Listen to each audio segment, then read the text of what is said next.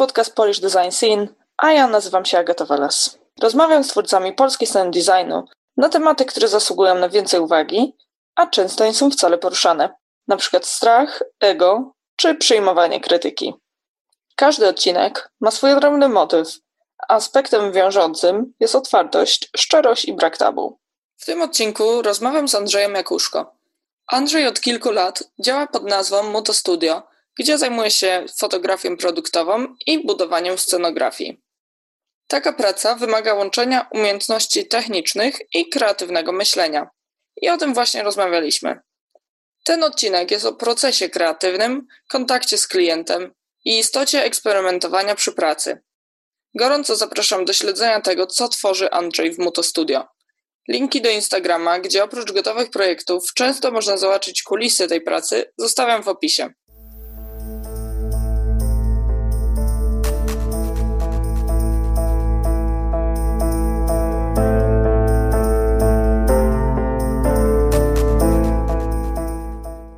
Zacznijmy od samego początku. Jak to w ogóle się zaczęło teraz, że masz swoje studio, że jesteś tutaj, gdzie jesteś? Bo jak szukałam jakiejś informacji o tobie, to znalazłam taką informację, że studiowałeś na Politechnice.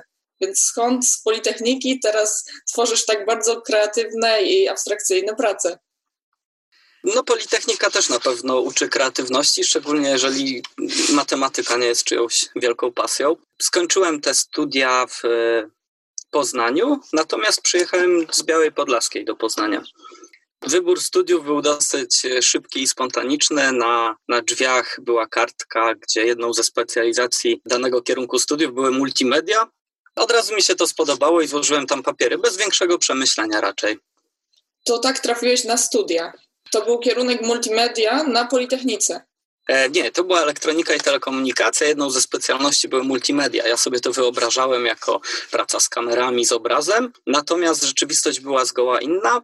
To dotyczyło obrazu, ale bardziej kodowania obrazów, e, fizyki tego obrazu, jak na przykład działa filtr górno-dolno-przepustowy, jak się zmienia kontrast zdjęciu czy, czy jasność, natomiast wszystko było opisywane wzorami, macierzami i od takiej strony technicznej, czyli tak jakby uczyłem się o takim Photoshopie, tylko że od środka, jak go zrobić. Okej, okay, no to brzmi to bardzo właśnie technicznie i bardzo abstrakcyjnie dla mnie. W takim razie skąd, e, czy później pracowałeś e, w jakimś zawodzie konkretnym, czy od razu właśnie poszedłeś bardziej w tą stronę kreatywną po skończeniu studiów? Mhm, to znaczy, cała przygoda z projektowaniem, z fotografią zaczęła się dużo wcześniej. Jako młody człowiek z dostępem do internetu zahaczyłem o takie portale jak Digart czy Forum WebSteam. To były takie dosyć początki web designu w Polsce, czy, czy, czy generalnie taki pierwszy duży chyba portal graficzny Digart. No i zafascynowany tym wszystkim, coś sobie dłubałem. Większość to były rzeczy do szuflady, Natomiast już wtedy pamiętam, że w okresie liceum pojawiały się pierwsze zlecenia, jakieś drobne prace graficzne i od tamtej pory to było kontynuowane. Na studiach to, był, to była też dobra opcja y, na, na powiedzmy sfinansowanie sobie tych studiów. I tak to wyglądało mniej więcej. Potem też na studiach, w przerwach wakacyjnych łapałem się różnych prac, na przykład w drukarni, w studiu graficznym przy drukarni, gdzie mogłem sobie poznać jakieś techniki druku, czy, czy podszkolić się projektowo. Natomiast już na drugim, trzecim roku studiów pracowałem w agencji na stałe, w jednej, potem w kolejnej, także ta przygoda gdzieś tam była kontynuowana. Studia były raczej dodatkiem.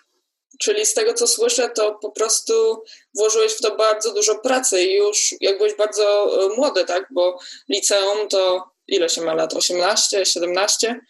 Tak, ciekawa sytuacja. Pierwsze, pierwsze takie komercyjne zlecenie polegało na stworzeniu prostej strony internetowej. Wtedy pamiętam, że nie miałem jeszcze 18 lat, więc żeby podpisać umowę, potrzebowałem zgody rodziców na to, e, żeby to prawnie było wszystko rozwiązane. Także tak, zacząłem dosyć w młodym wieku.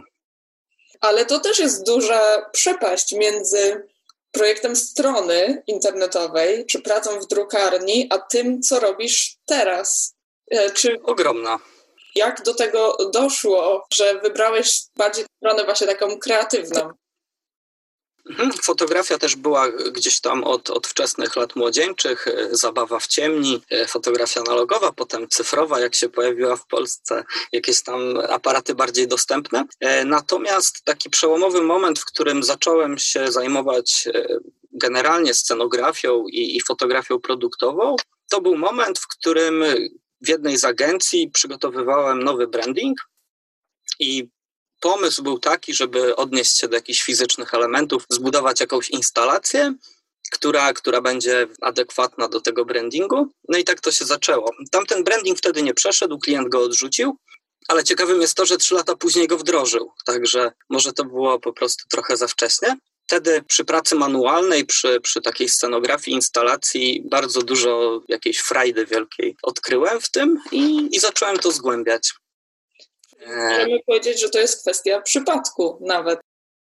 Trochę przypadku, ale też, e, też trochę to była forma takiej ucieczki od projektowania przy komputerze, gdzie można dużo zmienić na komputerze. Klient też może dużo, dużo swoich uwag e, wprowadzić na, na etapie już projektowania, bo można zawsze się cofnąć do wersji, można zrobić tych wersji kilka. Natomiast e, fizyczna praca przy secie ma pewne ograniczenia, bo po realizacji sesji zdjęciowej już nie ma możliwości cofnięcia się czy, czy przestawienia elementów. Oczywiście dużo się da zrobić w postprodukcji, natomiast ta praca przy setach jest e, taka bardziej ryzykowna, to znaczy, że albo się uda, albo się nie uda. I to jest też fajne. Na pewno jeszcze poruszymy dokładnie ten, ten temat. Może powiedz też kilka słów o tym, jak długo już teraz pracujesz pod własnym nazwiskiem.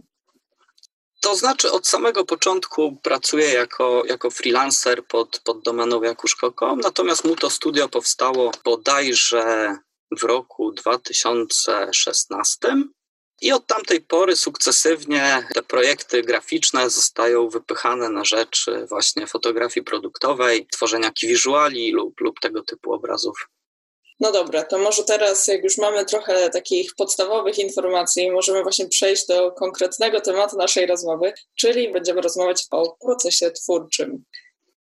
Mnie bardzo fascynuje to, jak te projekty powstają i czy w ogóle masz jakiś taki proces twórczy, czy to jest kwestia eksperymentowania? Mhm, e, to zależy. Ogólny proces twórczy jakiś jest i, i, są to pewne etapy. Pierwszy etap odkrywania, a potem etap e, właśnie koncepcyjny, no i trzeci etap ten realizacyjny. Natomiast w zależności od potrzeb klienta i, i, konkretnego projektu, ten proces może się różnić. Czasami ten pierwszy etap jest dłuższy, czasami go w ogóle nie ma. Często też klient przychodzi z konkretną wizją, nad którą pracujemy, ale zdarza się, że przychodzi i, i daje mi wolną rękę. Jak to wygląda, jeśli właśnie teraz zgłasza się do ciebie jakiś klient i ma pomysł na jakąś pracę, na jakąś wizualizację swojego produktu? Czy on przychodzi do ciebie już z jakimś moodboardem, z jakimiś referencjami, czy ma tylko w głowie jakiś pomysł, jak to ma wyglądać? Co, I jak ty później bierzesz ten projekt od tego momentu? Co następuje dalej?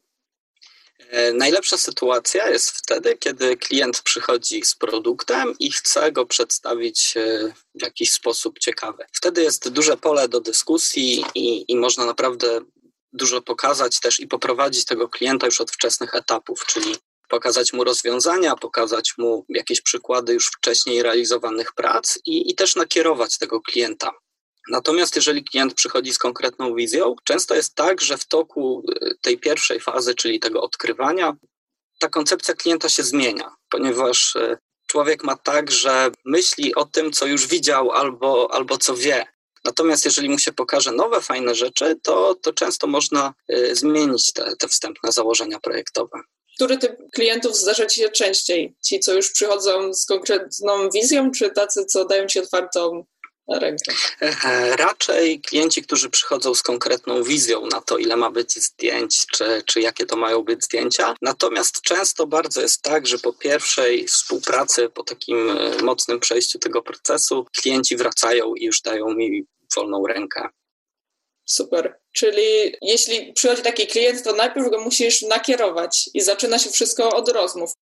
Tak, tak. Zawsze projekt jest poprzedzony rozmowami. Często są to bardzo długie rozmowy, tam wieloetapowe. Ja wychodzę z założenia, że taki projekt czy, czy taki obraz, który ma powstać, no on ma na pewno sprawiać frajdę klientowi przede wszystkim i, i, jego odbiorcom. Natomiast często da się to połączyć z tym, żeby mi też tą frajdę taki projekt sprawiał. Wtedy na pewno powstają najlepsze projekty i takie, które ty też chcesz pokazywać później w swoim portfolio. Ale może jeszcze skupmy się tutaj na tych początkach. Po tej pierwszej rozmowie, co prezentujesz klientowi? Czy wtedy ty mu wysyłasz jakieś moodboardy, czy zaczynasz od jakichś szkiców, czy może pre prezentujesz mu jakieś materiały? Jak to wygląda? Hmm. Tak, już w tej fazie koncepcyjnej e, klient dostaje przeważnie, bo, bo tak jak mówię, są często odstępstwa od tych, e, od tych procesów ustalonych, ale klient bardzo często dostaje szkic i moodboard. E, moodboard nie pokazujący konkretnych rozwiązań już fotograficznych, bardziej pokazujący jakiś świat, który chcemy stworzyć właśnie na planie czyli czasem są to jakieś zdjęcia już materiałów e, fizycznych typu jakaś skała, kamień, czasami to są referencje do kolorystyki. Generalnie mi zależy na tym, żeby już od pierwszych prezentacji klient mógł poczuć ten klimat e, zdjęcia, który powstanie. Natomiast jestem daleki od tego, żeby pokazywać konkretne już rozwiązania fotograficzne. Później taki klient zapamięta sobie to rozwiązanie e, będzie go mógł używać jako taki mocny punkt referencyjny, do którego będzie porównywał wszystko. Więc... Tak, dokładnie. A, a pewnie jak się domyślasz, jest to duże utrudnienie dla mnie potem, jeżeli, dokładnie. jeżeli pracujemy na fizycznych elementach. Używasz jakichś konkretnych narzędzi w swoim procesie? E, raczej nie. Są to typowe programy biurowe. Tworzę prezentacje w PDF-ie. Czasem jest to narzędzie, które pozwala tworzyć moodboard lub, lub taki board generalnie do notatek i wymiany informacji z klientami, ale to też zależy od klienta. Niektórzy wolą mieć sztywne informacje na mailu, niektórzy wolą takie rozwiązania już bardziej interaktywne, gdzie można coś skomentować, dodać, usunąć i przestawić. Dobra. Teraz też mnie zaciekawiło to, dlatego że w takim czystym projektowaniu graficznym, bo to, czym ty się zajmujesz, jest trochę inne niż projektowanie graficzne. Tutaj bardziej jest e, kreacja, ale w projektowaniu graficznym często projektanci przygotowują kilka pomysłów. Czy twój proces też przejawia się tym, że nie, nie robisz jednego moodboardu, tylko na przykład robisz kilka moodboardów, kilka koncepcji na tym pierwszym etapie pracy? Jasne, tym bardziej, że często klienci przychodzą z kilkoma produktami lub jednym produktem, ale e, wiadomo, że zorganizowanie całego planu dla jednego obrazka byłoby pewnie nadwyrężeniem budżetu. Dlatego często jest kilka tych propozycji. Czasami są to spójne propozycje, które są powiedzmy jednym zestawem zdjęć, a czasami to są odrębne całkowicie sety, których często nawet nie da się zrealizować w jeden dzień. Także tak, odpowiadając na to pytanie, często jest kilka propozycji, tym bardziej, jeżeli to jest nowy klient i nie do końca właśnie y, czuje, co my tak naprawdę robimy, wtedy ma wybór i, i, dostaje kilka różnych propozycji. To też wynika z faktu, że bardzo lubię zahaczać o jakieś pomysły, które wychodzą poza kanon jakichś takich ogólnych rzeczy w internecie czy gdzieś, ale też wiem, że jeżeli od razu się klientowi da jakąś taką dziwną, odjechaną rzecz, to, to czasem go można zrazić. Więc często jest tak, że klient dostaje w miarę bezpieczną koncepcję, plus kilka jakichś takich już dziwnych. Tutaj właśnie może fajnie będzie trochę porozmawiać o takich limitach. Czy tworząc już, już na tym etapie moodboardu, już wtedy zawężasz swoje poszukiwania, bo wiesz, że na przykład jeśli pokażesz coś, co no nie będziesz w stanie na przykład tego zrealizować, albo bo będzie za drogie. Czy, czy ten etap jeszcze jest taki frywolny i, i pozwalasz sobie na więcej y, przestrzeni? w pierwszym etapie na pewno, na pewno już od pierwszego etapu trzeba myśleć budżetem, bo proponowanie czegoś, co się kompletnie nie mieści, nie mieści w, w klienta budżecie, no to też się minie z celem. Aczkolwiek często jest tak, że klient dostaje jakąś propozycję ekstra, w której jeżeli e, zmieni trochę swoje założenia wstępne, no to może otrzymać coś zupełnie innego lub coś dużo więcej.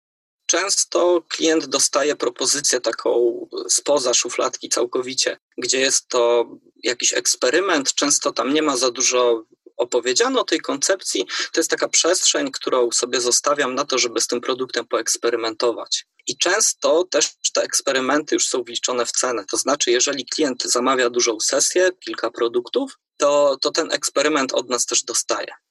No właśnie, porozmawiajmy trochę o eksperymentach, bo to będzie na pewno świetny temat, dlatego że ja sobie wyobrażam, może błędnie, ale ja sobie wyobrażam tak, że tworząc taką scenografię ręcznie, czy budując ją z różnych materiałów, Zastanawia mnie to, ile jest tutaj miejsca na przeprowadzenie tych eksperymentów, dlatego że to też wszystko kosztuje. W zależności też od tego może jak skomplikowana dana scenografia jest, ale łatwo można coś zniszczyć.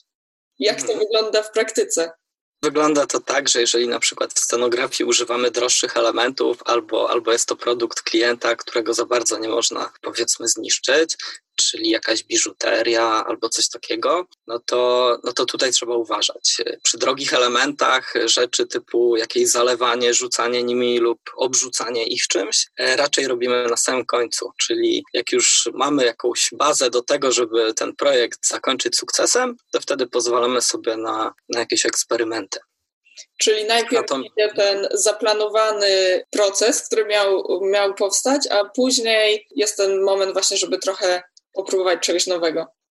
Tak, aczkolwiek trzeba pamiętać, że nawet w tym zaplanowanym procesie przy tego typu projektach e, występuje bardzo dużo improwizacji i ta improwizacja pojawia się, wiadomo, już przy koncepcji, ale, ale taka mocniejsza improwizacja pojawia się już potem przy zakupie materiałów czy, czy przy wytwarzaniu tych materiałów. No i pełna improwizacja też czasami się zdarza podczas samej sesji, bo o ile możemy sobie coś zaszkicować, naszkicować, wyobrazić, o tyle potem, kiedy się pracuje z danym materiałem, to, to ten materiał się przed nami odkrywa też i, i pokazuje jakieś e, rzeczy, które można z nimi zrobić. Często też e, jest koncepcja już zamknięta, materiały są kupione, ale przed finalnymi zdjęciami klient dostaje update, że jednak tu zrobimy to trochę inaczej i tu inaczej, dlatego że coś odkryliśmy podczas, podczas tworzenia tych materiałów, czy, czy coś innego, może nowy pomysł albo kolejny element, który zmienia trochę postać rzeczy. Bardzo podoba mi się właśnie to, co powiedziałeś, że, że jest dużo tej improwizacji i takiego wykorzystywania danego momentu po prostu, dlatego że wtedy masz jakiś impuls, można trochę inaczej do tego podejść, coś dostrzeżemy, e, coś nagle nie pasuje, albo właśnie wykorzystamy coś, co wcześniej nie, nie zdaliśmy sobie z tego sprawy. Naszło mnie też teraz takie pytanie, czy podczas sesji obecny jest klient? Zdarza się, natomiast rzadko wolę tego unikać, no bo to wtedy też nakłada jakieś, e, jakieś takie ograniczenia. To znaczy, te eksperymenty już nie są takie wybuchowe, jak, jak mogłyby być. Często klient, jak zobaczy też, jak wygląda ta praca, to już po pierwszych kilku chwilach się nudzi, bo, bo to też trzeba podkreślić, że praca w studio nie jest e, taka efektowna. To jest raczej żmudna praca przy ustawianiu tych elementów, e, Czasami w międzyczasie trzeba coś podmalować, uciąć. Także określiłbym to jak, jako taki warsztat, y, powiedzmy, nie wiem, jakaś stolarnia czy coś takiego. Tam jest dużo elementów, dużo się dzieje i klient najzwyczajniej może się nudzić po jakimś czasie. Też myślę, że to może spowodować taką presję to na pewno. Pracuje się troszkę mniej wygodnie. Tutaj nigdy, nigdy nie blokujemy klientowi możliwości przebywania na sesji, bo y, jestem zdania, że, że klient ma prawo widzieć, co tam się dzieje z jego produktami i tak dalej. Natomiast na szczęście takie, takie sytuacje zdarzają się rzadko. Dobra. Przy tworzeniu takich scenografii też powiedziałeś o tym, że czasami tworzycie rzeczy albo zamawiacie dane elementy. Czy masz teraz na przykład w studiu jakąś taką bibliotekę materiałów, to może też było ciekawe, skąd właśnie czerpiesz te materiały, czy jak to wygląda procentowo, czy więcej ich tworzysz, czy więcej kupujesz, czym się mhm. inspirujesz. Najchętniej bym nie chciał mieć tych rzeczy u siebie w studio, bo, bo te skrzynki rosną cały czas i, i po prostu nawet już teraz się ciężko szuka czegokolwiek. Natomiast y, jestem fanem używania rzeczy do końca, czyli jeżeli kupuję jakieś materiały drewniane, czy, czy jakiś materiał metalowy, czy cokolwiek, to raczej go zostawiam. To znaczy nie wyrzucam rzeczy, e, chyba że, chyba, że to są jakieś tam drobne rzeczy z papieru i jakieś takie, które na pewno się nie, nie, nie przydadzą na później. Nie ukrywam, że rzadko z nich potem korzystam, bo każdy projekt to, to jest inny świat i, i czasami ciężko wykorzystać coś ponownie, e, ale się zdarza. Wiadomo, że się zdarza. Masz jakieś takie studia czy osoby, którymi e, bardzo się inspirujesz, czy w ogóle na przykład e, chciałbyś być na przykład w takim miejscu jak ta dana osoba czy e, dane studio? Na pewno jest dużo inspiracji. W ogóle takim zapalnikiem do, do tych działań jest takie studio Serial Cut. E, kiedyś zobaczyłem ich pracę i sobie pomyślałem, kurde, ale bym chciał tak w 3D umieć robić. Tylko, że się potem okazało, że to nie jest wcale 3D, a przynajmniej nie w całości 3D. I, i to na pewno też był jakiś taki zapalnik, żeby poszukać gdzieś, gdzieś tej pracy twórczej poza komputerem, czyli przy jakichś fizycznych elementach. E, wcześniej też właśnie na potrzeby brandingów, które tworzyłem, starałem się robić jakieś zdjęcia obiektów, żeby, żeby po prostu ten branding był unikalny. Nie szukałem wtedy inspiracji, nie szukałem wtedy materiałów na sztokach, tylko raczej starałem się jakieś takie klocki gdzieś na, na, na jasnym tle poukładać i, i na tej podstawie pracować. Jest Leta Sobierajski, która, która bardzo fajnie, fajnie sobie radzi na tym polu, ma świetny styl i, i jest mega rozpoznawalna. Też to też na pewno ciekawa osoba, żeby ją pośledzić. No i cała, cała reszta przezdolnych ludzi do znalezienia na Instagramie pod hashtagiem setdesign. Także codziennie gdzieś te obrazki na telefonie się wyświetlają. Parę osób e, z zagranicy, a czy w Polsce, nie chcę też może aż tak do końca, żebyś nawet mówił e, nazwy, bo może to też będzie konkurencja dla ciebie, ale czy w Polsce w ogóle to jest popularne? Nie wiem jak w tym momencie. Wiem, że kilka osób tworzy w podobnym, w podobnym klimacie podobne rzeczy. Natomiast często to wygląda tak, że plan jest podzielony na ekipę sztywną, czyli jest set designer, jest fotograf oddzielnie i, i w takich teamach to się przeważnie tworzy. Nie, to jest to troszkę inaczej, ponieważ ja sam tworzę scenografię i sam potem ją fotografuję, czyli mam wpływ na ten obrazek praktycznie od A do Z. I myślę, że to jest ta podstawowa różnica. E, to na pewno ma wady i zalety. W Polsce na pewno kojarzę fotografa od, od y, właśnie set designu, to jest Miłoch, miłoch.com. Też polecam, bardzo ma fajne portfolio. Y, widziałem, że działa z wieloma scenografami i, i tworzą naprawdę fajne projekty na światowym poziomie. Dobra, mamy trochę referencji. To może porozmawiamy jeszcze o tym, jak komunikujesz się z klientem już po tym, po tym moodboardzie, co, co się dzieje dalej po moodboardzie rozumiem to jako po zaakceptowanej koncepcji. Po zaakceptowanej koncepcji następuje e, proces realizacji. No i wtedy zaczyna się szukanie materiałów, dobieranie tych materiałów i ich stylizacja. Czasami jest to proces krótki, bo na przykład jeżeli tworzymy scenografię z papieru, no to temat jest dosyć prosty. Trzeba mieć papier i trzeba go powycinać i posklejać. Natomiast czasami scenografię opieramy na jakichś elementach typu żywica epoksydowa, jakiś beton. Wtedy trzeba odczekać trochę, aż, aż te materiały, nie wiem, zastygną, zwiążą, czy, czy jak to można inaczej nazwać. Często przez to proces jest wydłużony, bo na przykład jeżeli zrobimy próbę z żywicą epoksydową, to po 24 godzinach możemy sprawdzić efekty. Czasami one są niezadowalające, więc kolejne 24 godziny na kolejny efekt i tak może minąć nawet tydzień. I po tym tygodniu może się też okazać, że pomysł z żywicą epoksydową był nietrafiony. Także, także tak też się zdarza. Natomiast klient na pewno już od początkowych etapów y, dostaje jakieś takie zdjęcia elementów, które już mamy gotowe, na takim, y, powiedzmy, nawet ułożone na stole y, w, w, otoczeniu produktu, aby mógł na bieżąco śledzić, czy ten świat, który powstaje, jest właśnie taki, o którym on myśli. To też jest swojego rodzaju zabezpieczenie, żeby, żeby klient po prostu nie był bardzo zaskoczony jak zobaczy już e, finalny, finalny obraz. Też pomaga, bo, bo często klienci są naprawdę bardzo kreatywni i, i sami podrzucają jakieś ciekawe pomysły, wystarczy je tylko wdrożyć. Ważne jest to, żeby być w ciągłym kontakcie z klientem, bo tutaj rzeczy mogą się zmienić bardzo szybko. Tak, tak, na pewno. I polecam też e, w innych dziedzinach projektowania. Ten kontakt z klientem jest według mnie kluczowy i szczególnie takie zrozumienie na początku. E, zrozumienie, zaufanie, wtedy pracuje się o wiele przyjemniej, pracuje się partnersko. Nie ma takiej sytuacji, w której przedstawiamy koncepcję, potem jest cisza, cisza, cisza i jest nagle obraz. Bo wtedy nawet jak ten obraz będzie ciekawy, to klient może być zaskoczony, a jeżeli będzie zaskoczony, to może nie do końca w to wierzyć. Natomiast jeżeli on jest cały czas przy projekcie, cały czas uczestniczy w procesie, to on tym procesem też żyje. I ten finalny obraz jest dla niego czymś, nawet jeżeli będzie zaskakujący dla niego, no to on będąc w tym procesie czuje się jak współtwórca tego projektu, zresztą bardzo słusznie. Dlatego polecam naprawdę e, rozmowy, rozmawiać z klientami, prowadzić otwarty dialog, nie bać się klientów, nie bać się też tego, że czasami się czegoś nie wie. Myślę, że taka właśnie relacja jest najlepsza i potem najfajniejsze projekty wtedy z tego wychodzą po prostu angażować klienta tak, żeby był częścią tego procesu twórczego. Bardzo podoba mi się właśnie to, co powiedziałeś, bo myślę, że to jest taka porada, o której często ludzie zapominają i siebie widzą jako tego twórcę, a klient to jest ten, co zleca po prostu. Na pewno to się też później przekłada właśnie na to, że też ta relacja zupełnie inna jest i łatwiej się po prostu przyjemniej pracuje. Nie mamy tak, że nagle po tygodniu coś wysyłamy i jest wielkie zaskoczenie jeszcze właśnie odnośnie czasu. Ile zajmuje średnio stworzenie takiego projektu od momentu, kiedy klient pierwszy raz się do Ciebie zwrócił, po edycji, o której też pewnie za chwilę opowiemy? Mhm.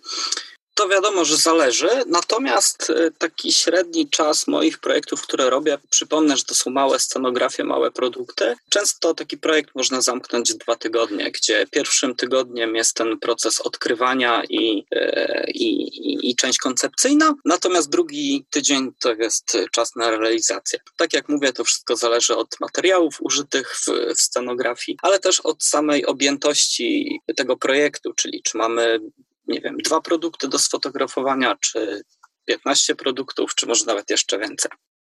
Najszybciej udało mi się zrobić projekt w jeden dzień.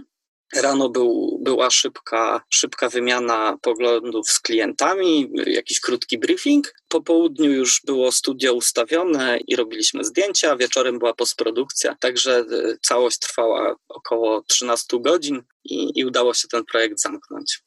E, bardzo szybko, natomiast to jest, no mówię, naj, najszybszy projekt i e, wolałbym, żeby się takie nie zdarzały. Czasami fajnie zrobić właśnie taki szybki projekt, dlatego że to jest taki test też dla ciebie, jak szybko naprawdę jesteś w stanie coś zrobić i ta adrenalina na pewno też pomaga wtedy. E, na pewno, na pewno. Poza tym no, człowiek tak jest skonstruowany, że jak zakończy ten projekt, no to, to, to ten system nagrody w mózgu działa, i, a jeżeli w jeden dzień można coś otworzyć i zamknąć, no to to już w ogóle jest super. Na przykład... Mhm. No mów, mów, za chwilę zapytam. E, na przykład pamiętam, że przy projektowaniu graficznym, e, tworzeniu brandingów, te procesy się bardzo wydłużały często, szczególnie jeżeli to był złożony branding, praca mogła trwać nawet pół roku czy, czy rok. No i wtedy, wtedy i ta energia opada w pewnym momencie i różnie ten proces potem przebiega, czasami się wydłuża, czasami nie. Natomiast przy, przy tych projektach, które teraz robię, o tyle jest fajnie, że jest e, otwarcie i zamknięcie projektu. To znaczy, po zrealizowanej sesji e, no jest koniec projektu. I, i nieważne, czy, czy to będzie powstanie tak, jak sobie założyliśmy na początku, czy trochę inaczej, no to projekt jest zakończony. Mam w sumie dwa pytania.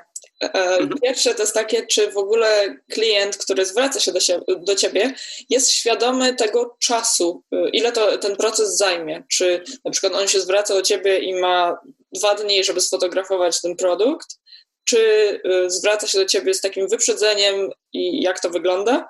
I drugie pytanie jest tak, jakbyś miał właśnie powiedzieć y, procentowo mniej więcej odnośnie tego procesu twórczego, ile y, zajmuje ten pierwszy proces tych rozmów, tych koncepcji i później postprodukcji i robienie zdjęć? Mhm.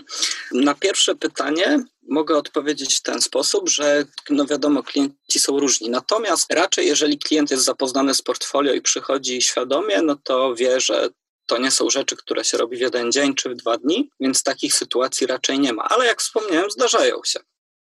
Natomiast w przypadku, kiedy klient przychodzi świadomie, no to, to wie, że to wymaga czasu, koncepcji i też dużo rozmów. Bardzo często klienci przychodzą po zdjęcia produktowe gdzie, gdzie mają jakieś wyobrażenia o tych zdjęciach produktowych, że to się robi szybko, łatwo i to nie jest, nie jest y, obarczone jakimś długim czasem koncepcyjnym. No i wtedy przy pierwszej rozmowie już y, y, możemy tego klienta naprowadzić i opowiedzieć mu trochę więcej o swojej pracy i on wtedy albo, albo mu się to spodoba, albo nie. Często klienci szukają po prostu innych rozwiązań, chcą mieć szybko zdjęcia produktów, no ale czasami, czasami jest tak, że właśnie się zainteresują tym tematem i, i, i wejdą w to. Także tak to wygląda. Jeżeli chodzi o procentowość, procentowy rozkład poszczególnych etapów projektowych, e, no to tak jak wspomniałem wcześniej, mniej więcej tydzień trwa faza e, koncepcyjna i, i, i ta odkrywania, natomiast około tygodnia też realizacyjna. Przy czym muszę podkreślić, że tu każdy projekt jest naprawdę inny i, i od rozbieżności tych podziałów są naprawdę czasami ogromne, że, że sam jestem w szoku. Co zajmuje więcej czasu, ten e, pomysł, czy już później postprodukcja? Ciężko powiedzieć, natomiast ja jestem zwolennikiem e, ta, takiego rozwiązania, w którym ten pierwszy etap jest naprawdę dobrze zrobiony. To znaczy, że w momencie, kiedy zaczynamy pracować już fizycznie, to zarówno ja jako ja i klient jesteśmy powiedzmy na tym samym, na tym samym poziomie wiedzy odnośnie projektu. To znaczy klient jest wdrożony w naszą pracę, w to jak działamy i wie mniej więcej czego się spodziewać, kiedy, jakie materiały dostanie też od nas. I tak jak, tak jak właśnie też wcześniej mówiłem o tym, bardzo to pomaga. To znaczy, to zrozumienie z klientem na pierwszym etapie jest kluczowe według mnie, szczególnie w projektach, które są obarczone jakimś ryzykiem czy, czy jakąś dozą improwizacji. To też pewnie przekłada się później na to, że jeśli jest się pewnym tego swojego pomysłu i spędziło się na nim więcej czasu, to później ten proces właśnie robienia już fotografowania i postprodukcji przychodzi naturalnie, dlatego że już wiemy, co robimy. Nie, wtedy już nie ma aż takiej improwizacji, że nagle jest zmiana konceptu o 180 stopni. Mhm, tak, tak. Zmiany. Zgadza się. Natomiast ja oczywiście większą frajdę mi sprawia praca już manualna przy, przy produkcji elementów, praca właśnie w studio już podczas sesji, dlatego na pewno więcej uwagi i kreatywności do tego przykładam.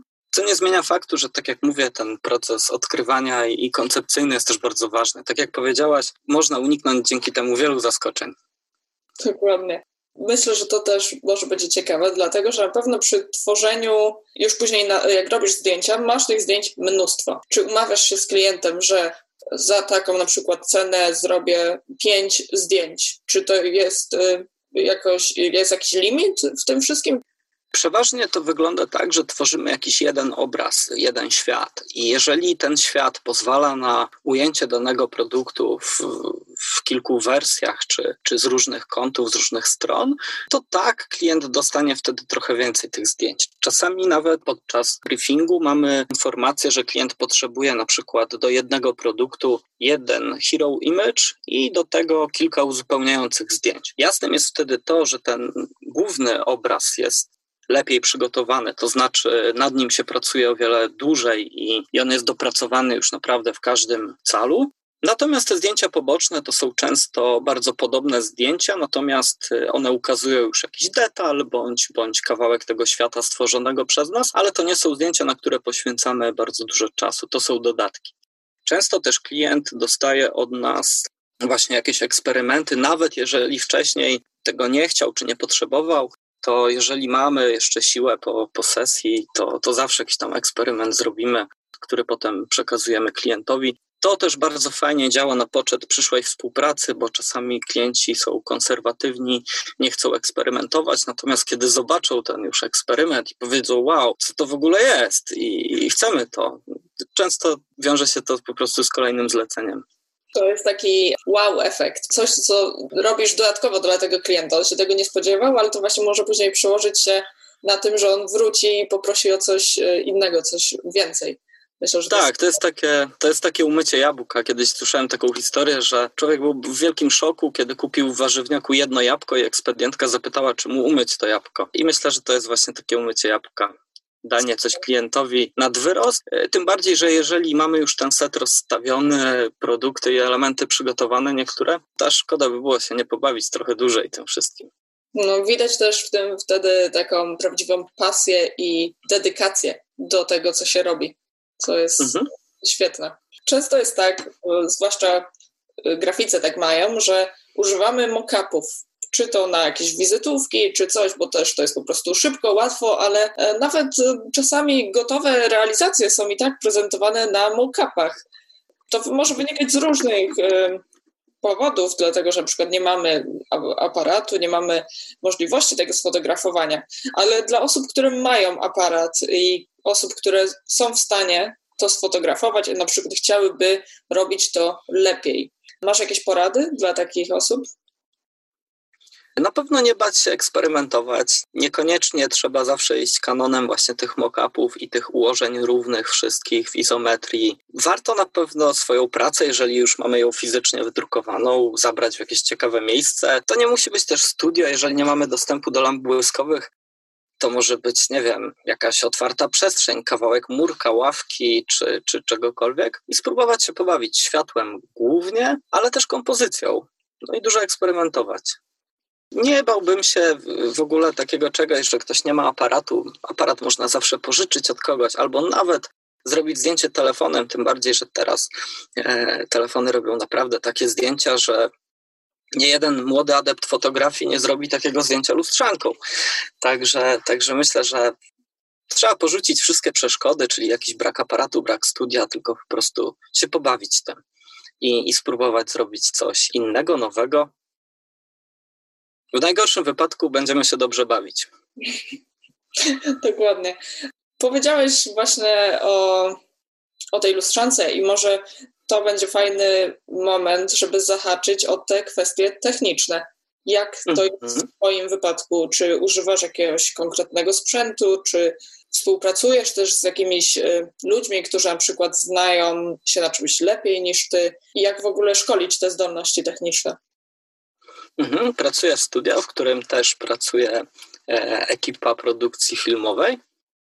Także ten sprzęt jest dookoła bardzo obecny, głównie, głównie filmowy, ale też fotograficzny. Tu możemy się wymieniać doświadczeniami, ale też wymieniać obiektywami. I tutaj też tak polecę, może jeżeli ktoś się zastanawia nad wyborem właśnie, czy to ma być Canon, czy Nikon, czy Sony, to żeby się rozejrzeć po znajomych, kto jaki ma system, bo wtedy na pewno e, będzie łatwiej o, o jakieś obiektywy e, czy inne akcesoria.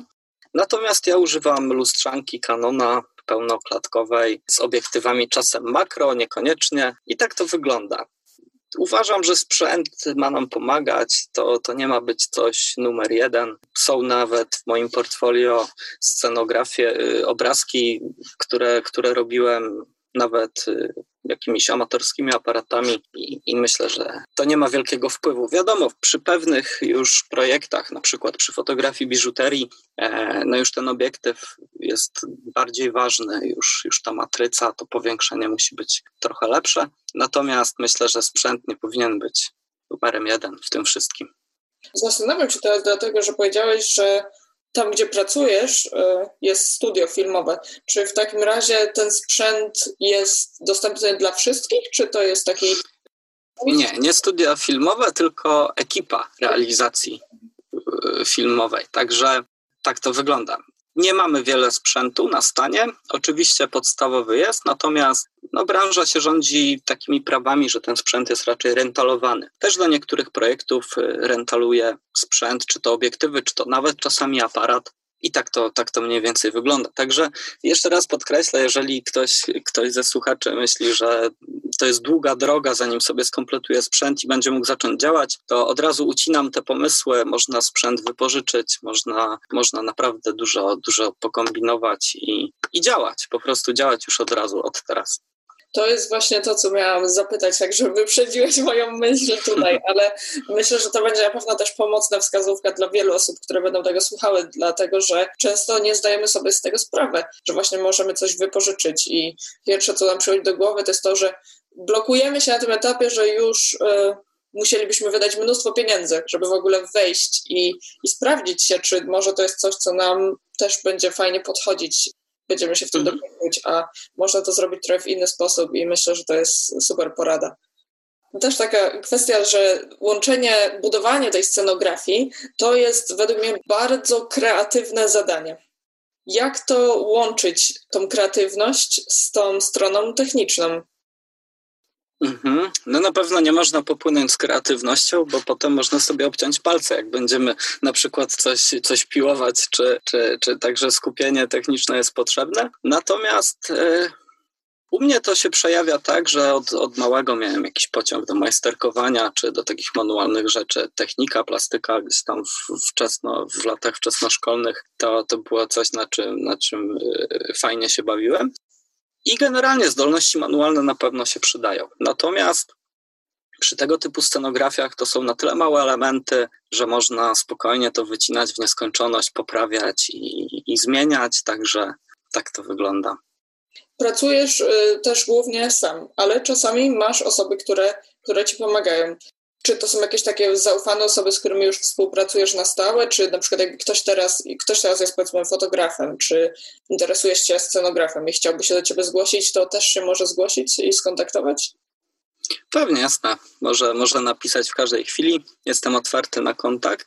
Natomiast e, tak, tak jak pod, powiedziałaś, pracuję z raczej stałą ekipą, zaufanymi ludźmi. W zależności od projektu, czasami ten projekt jest większy i potrzeba trochę więcej ludzi na planie, żeby wszystko sprawnie szło i wtedy, i wtedy e, wiem, gdzie pukać, do których drzwi ale ty jesteś tą głową, która ma ten pomysł i, i upewniasz się, że jest realizowany tak, jak. Tak, zawsze, zawsze jestem na planie i podczas etapów koncepcyjnych. E, chyba, że jest to projekt, w którym jestem zaproszony jako scenograf i wtedy. I wtedy oddaję już te stery komuś innemu. Ja natomiast zajmuję się tym, żeby zrealizować scenografię pod konkretną koncepcję i, i żeby było jak najmniej niespodzianek. Powiedz mi trochę o tych kwestiach technicznych, ale związanych z renderami w komputerze i z 3D. Mhm. Czy y, klienci w ogóle, którzy się do ciebie zwracają, czy oni mają świadomość taką, że ty to wszystko fotografujesz? Czy jest takie pytanie właśnie może z ich strony, czy używasz y, programów do tworzenia 3D? Klienci raczej przychodzą po fotografię, natomiast często nie mogą uwierzyć, że, że coś jest fizycznym obiektem, szczególnie jeżeli to są obiekty abstrakcyjne. Natomiast zdarza się, że moje prace są umylone właśnie z renderami, szczególnie gdzieś tam w serwisach typu Behance czy, czy, czy na Instagramie.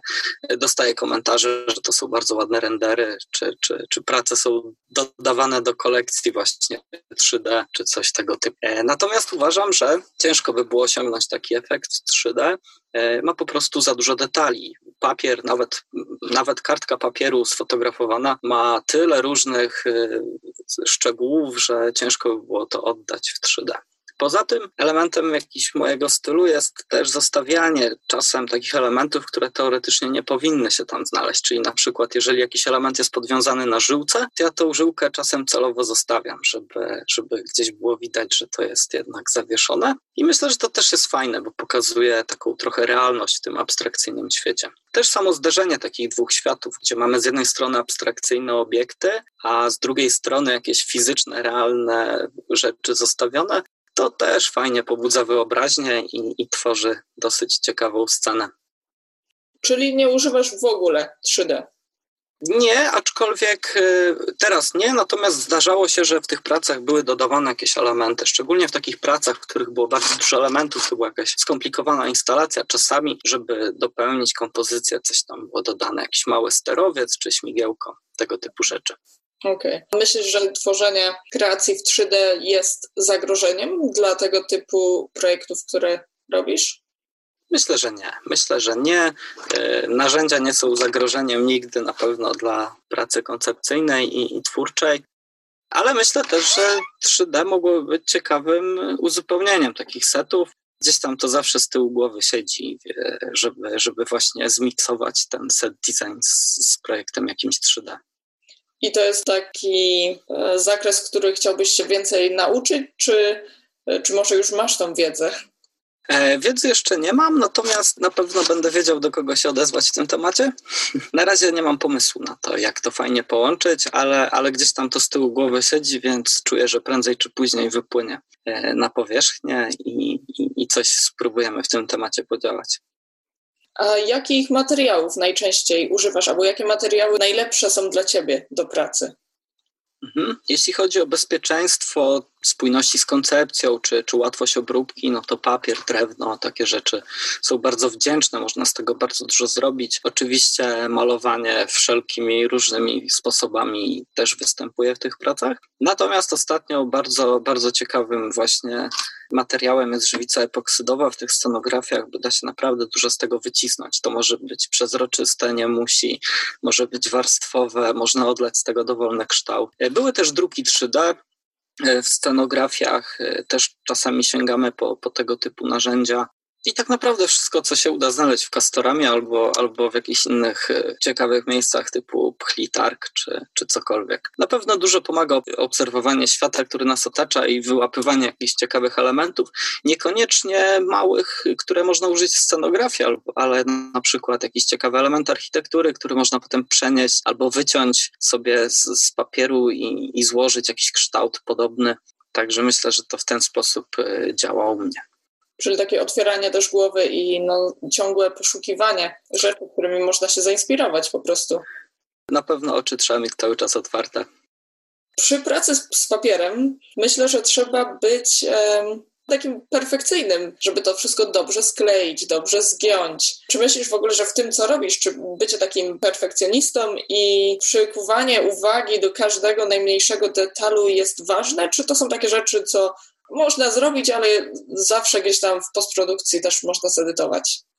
Uważam, że to jest ważne, bycie właśnie w, dokładnym w tym, co się robi na etapie, na etapie realizacji właśnie elementów scenografii, ale też potem w studio, na planie jest taka zasada, że 5 minut na planie potem się może przełożyć na 5 godzin w postprodukcji. I czasami naprawdę warto jest złożyć jakiś element jeszcze raz, niż potem go przerysowywać w Photoshopie praktycznie i, i, i, się męczyć z tym. Trzeba też pamiętać, że taki perfekcjonizm na 100% y, czasami przeszkadza i wydłuża pewne procesy, a przez to, że wydłuża pewne procesy, to zabiera czas na czas, który można by wykorzystać trochę lepiej. Dlatego myślę, że trzeba mieć złoty środek, natomiast jeżeli ktoś jest perfekcjonistą, to będzie miał z tym duży problem. Ja mam ten problem też. Wydaje mi się, że większość e, kreatywnych głów będzie właśnie mieć takie problemy.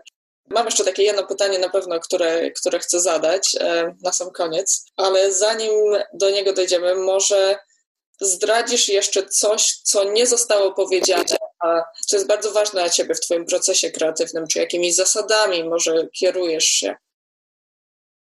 Mhm.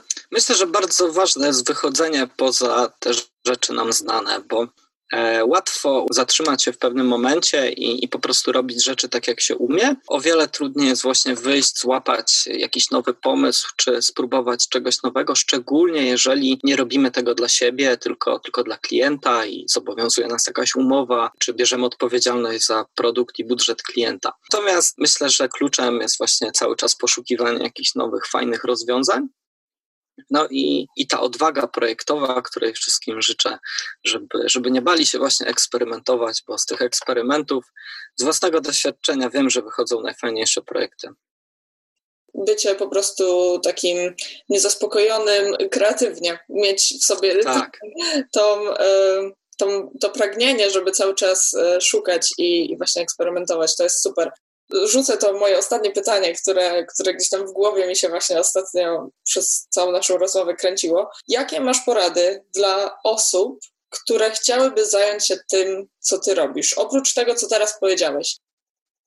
Mhm. Na pewno tutaj rozmawiamy o fotografii, dlatego polecam wszystko o fotografii, doszkolić się z tego, poczytać o tym, chociażby wiedzieć, czym jest ekspozycja, co to przesłona, czas naświetlania, a potem wgryźć się na przykład w światło w fotografii, bo jak wiemy, obraz to, to jest światło. Także polecam wszystko o fotografii, ale z drugiej strony polecam też się nie bać i nie myśleć, że mogę chwycić za aparat dopiero jak poczytam książkę, tylko chwycić za ten aparat, a jak będzie nam brakować wiedzy, to wtedy doczytać. I dużo, dużo ćwiczyć, dużo bawić się tą formą, czy nawet samym planem zdjęciowym ustawionym w pokoju przy, przy żarówce, lampce e, biurkowej czy czymkolwiek. Także dużo eksperymentować, nie bać się i na pewno nie odkładać e, rzeczy na później z uwagi na jakieś braki w, e, techniczne czy, czy inne. To będzie tutaj dobry moment, żeby zakończyć. Dobrze. Bardzo Ci dziękuję za rozmowę. Ja sama dowiedziałam się mnóstwo ciekawych rzeczy i myślę, że wszyscy, którzy będą tego słuchać, też będą mieć podobne zdanie. Cieszę się, dziękuję za zaproszenie i pozdrawiam.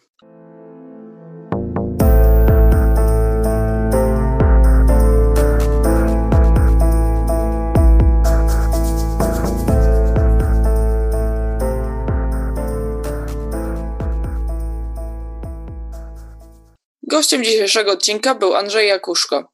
Zachęcam do obserwowania kanału Polish Design Scene na Instagramie oraz do śledzenia twórczości Muto Studio. Ostatni odcinek przyjął się bardzo dobrze. Jeszcze raz dziękuję wszystkim za udostępnienie linków do podcastu w social mediach. Jeśli ten odcinek też Wam się podobał, podzielcie się tym ze znajomymi i nie zapomnijcie otagować Polish Design Scene. Na dziś to wszystko. Do usłyszenia za dwa tygodnie.